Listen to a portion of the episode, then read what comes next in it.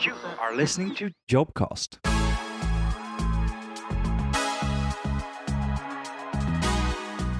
My name is Aleksander Christensen. I work as global head of commodities sales at SEB. Outside of work, I like to be active. Recently, you know, it's football, it's golf, it's being out in the nature. Commodities within SEB is a group that is responsible for advising and helping corporates and institutions manage their commodity price risks. I'm Anna Andrén, and I work as head of FX foreign exchange at SEB.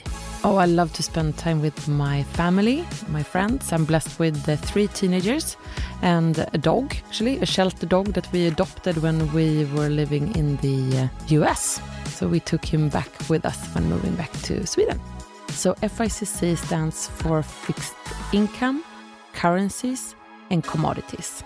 So at the moment, I'm leading the FX organization. So that's 120 people, sales and trading. Across, I think we have now 13 geographies where we are present. So um, my main task is actually to lead and facilitate for the people working in the organization to do their best and uh, perform as uh, good as possible.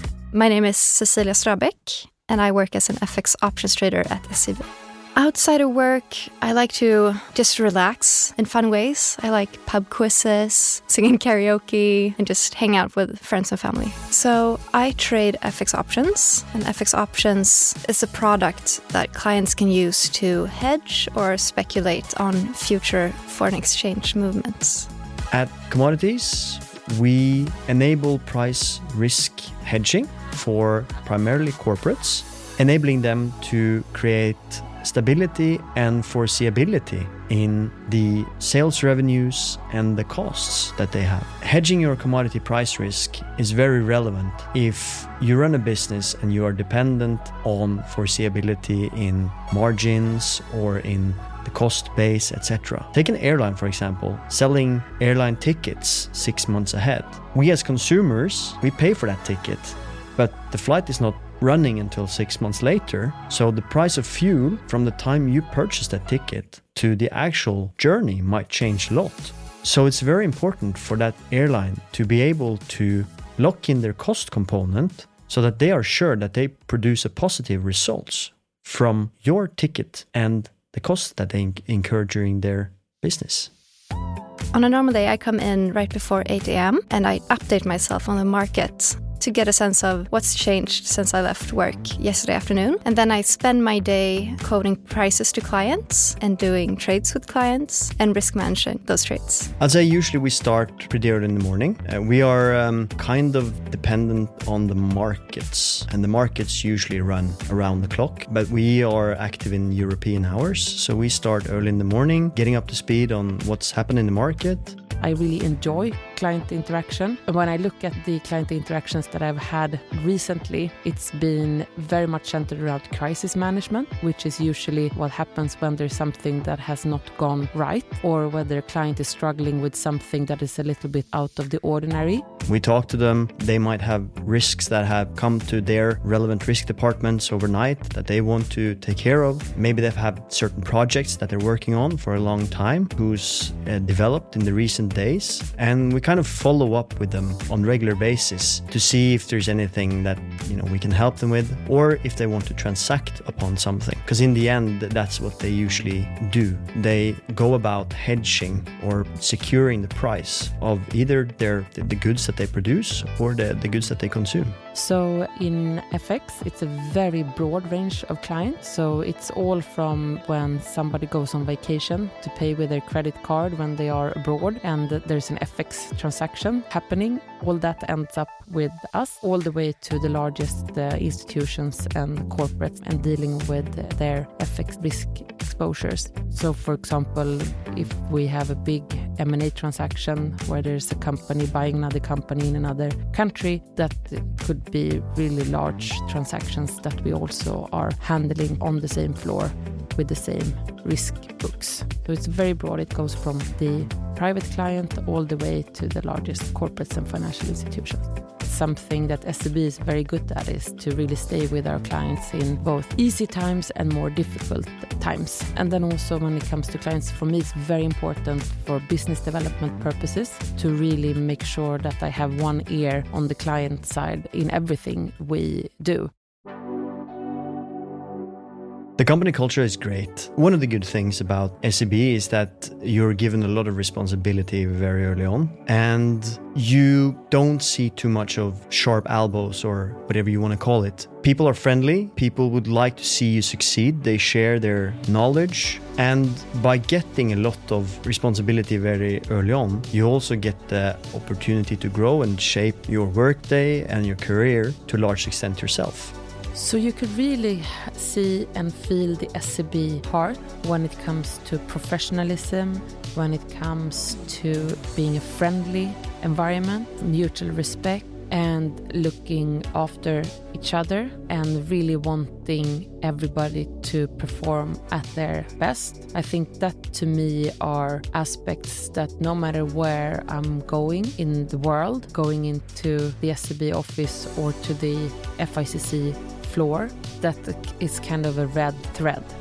I think the best part about working at SEB is working as a group across teams and across functions to towards the same goal and just having fun doing it. I think it's very just satisfying when we work together and we get that deal done that we wanted to do and the client is happy and we're happy and um, we're just making progress. I think the best part is definitely the teamwork. We try to get together a few times a year, and it's uh, usually one of the highlights of the year seeing all your colleagues on the different sites in person. And the good thing about that is you get to connect on a different level. We spend a lot of time in the office every day. It becomes sort of a lifestyle. So it's always nice to see your colleagues in a bit more casual environment and being able to casually catch up on how people are doing and so on, not only via Teams or, you know, the phone. And a lot of good things usually come out of that. Good ideas, knowledge sharing, how can we make things better for the clients? It's usually the physical meetups that, that are the most rewarding for most salespeople. So we had an after work with all the people working in FICC in Sweden, where we gathered outside work, had a bit of uh, good things to eat, and uh, played a few fun games, and really with no special agenda other than just networking, getting to know each other better, have fun, and uh, just uh, enjoy ourselves. I mean, I think responsibility can be it can be framed in so many different ways. For me, I was given client responsibility very early on, where you get dedicated corporate names that you are you're going to serve. And then after that, you can get like project responsibility. You get responsibility just by being a part of the team. When team members are away, you step in, you learn things that you wouldn't learn on your regular client base. I think we definitely have an ambition and an aspiration to offer uh, our talents opportunities, whether that is within the same area or if it's going to another area or if it's just trying out different roles within the same area or taking on something in a different uh, geography. Now, also, we have started a rotation program where we give people the opportunity to try something out for a more limited period of time. So, not taking on a different full time job directly and leaving your current position, but rather having the same position, but then trying something out for a few uh, months. And that has been very successful and, and appreciated by many. I think one just major development for me was when the first time I was alone at the desk for a week. That was like special, like, wow, okay, they really genuinely trust me. They've all gone on vacation and I'm sitting here with all the risk and I'm making all the decisions. That was intense, but it's it's the it's a great way to learn really to just get like thrown out into responsibility. I, I know like the markets division and the trading floor can sometimes have a reputation of being a bit cutthroat and very demanding. I think one important aspect that SEB does really well is that we don't have a blame culture. We all strive to do our best and we have good processes for decision making to try to avoid mistakes, but mistakes do happen. We're all human. But I've never felt that I've been blamed for my mistakes. I think that people grow with responsibility, and I think sometimes some people ask for responsibility, and other times actually you need to give people responsibility so that they can see that they actually are capable of stretching the boundaries and do things that they might not have done before or things that would mean that they take on a bigger responsibility than that they have. And I think, for example, vacation period is a perfect period where you can do that. And I think also having managers that always make sure that they say that they are supportive, that they are there, but that they are 100% trusting that this person is capable of taking on this responsibility. And if somebody fails, then you learn from the mistake and you move on and you grow even more most fun part of my work is going to the office. See people I love working with. It's going into this very energizing atmosphere with all these people and all the bus going around. It's fun to meet new people. It's fun to learn new stuff every single day. And it's also fun to work together with your colleagues. I only work with people who know more than me, uh, so I learn from them every day. We have a very clear ambition to be the number one Nordic provider for our products and the international leader globally in Nordic products. So, with that said, we aim to be at the forefront with everything that we do, whether that is advisory, whether it's pricing, risk management, distribution, it's linking investors and issuers. It's about having the best risk advisory, hedging for corporates that there is out there, and the best technology solutions and most efficient way of dealing with a counterparty and a bank. So, our biggest challenge, I think, is processing the big amount of information that that's out there every day and being able to produce good new products for our clients based on what they require. Sustainability is a big focus area at the moment, not only within SEB but also globally. And we're trying to produce good future proofing products for our clients in the carbon space, for instance. But that requires a lot of resources. Um, and we need to be, you know, both researchers and programmers and scientific experts at the same time.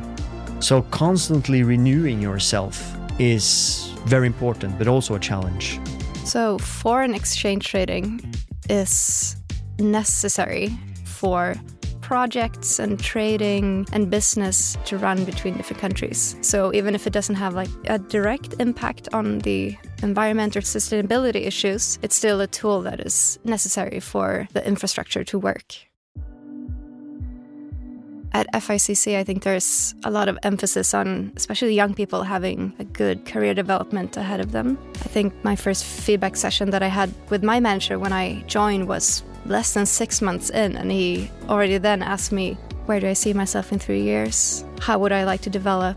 What career path do I see ahead of me? So it's there's a lot of emphasis on making sure that people can fulfill their um, potential. I've been given the opportunity to explore roles and geographies, absolutely. I think one of the really good things about being in SEB is they encourage you to put up your hand if you want to try something new, that being a new role within the department or outside of the department, or if you'd like to to move somewhere new. I believe you should start working in SEB because you have a great possibility in shaping your own career. Whether it's directly through the position that you have or the tasks that you engage in, which might be a bit on the side of your regular day to day work, or all the new roles that you might find interesting when entering the door at uh, Kungsträdgården for the first time.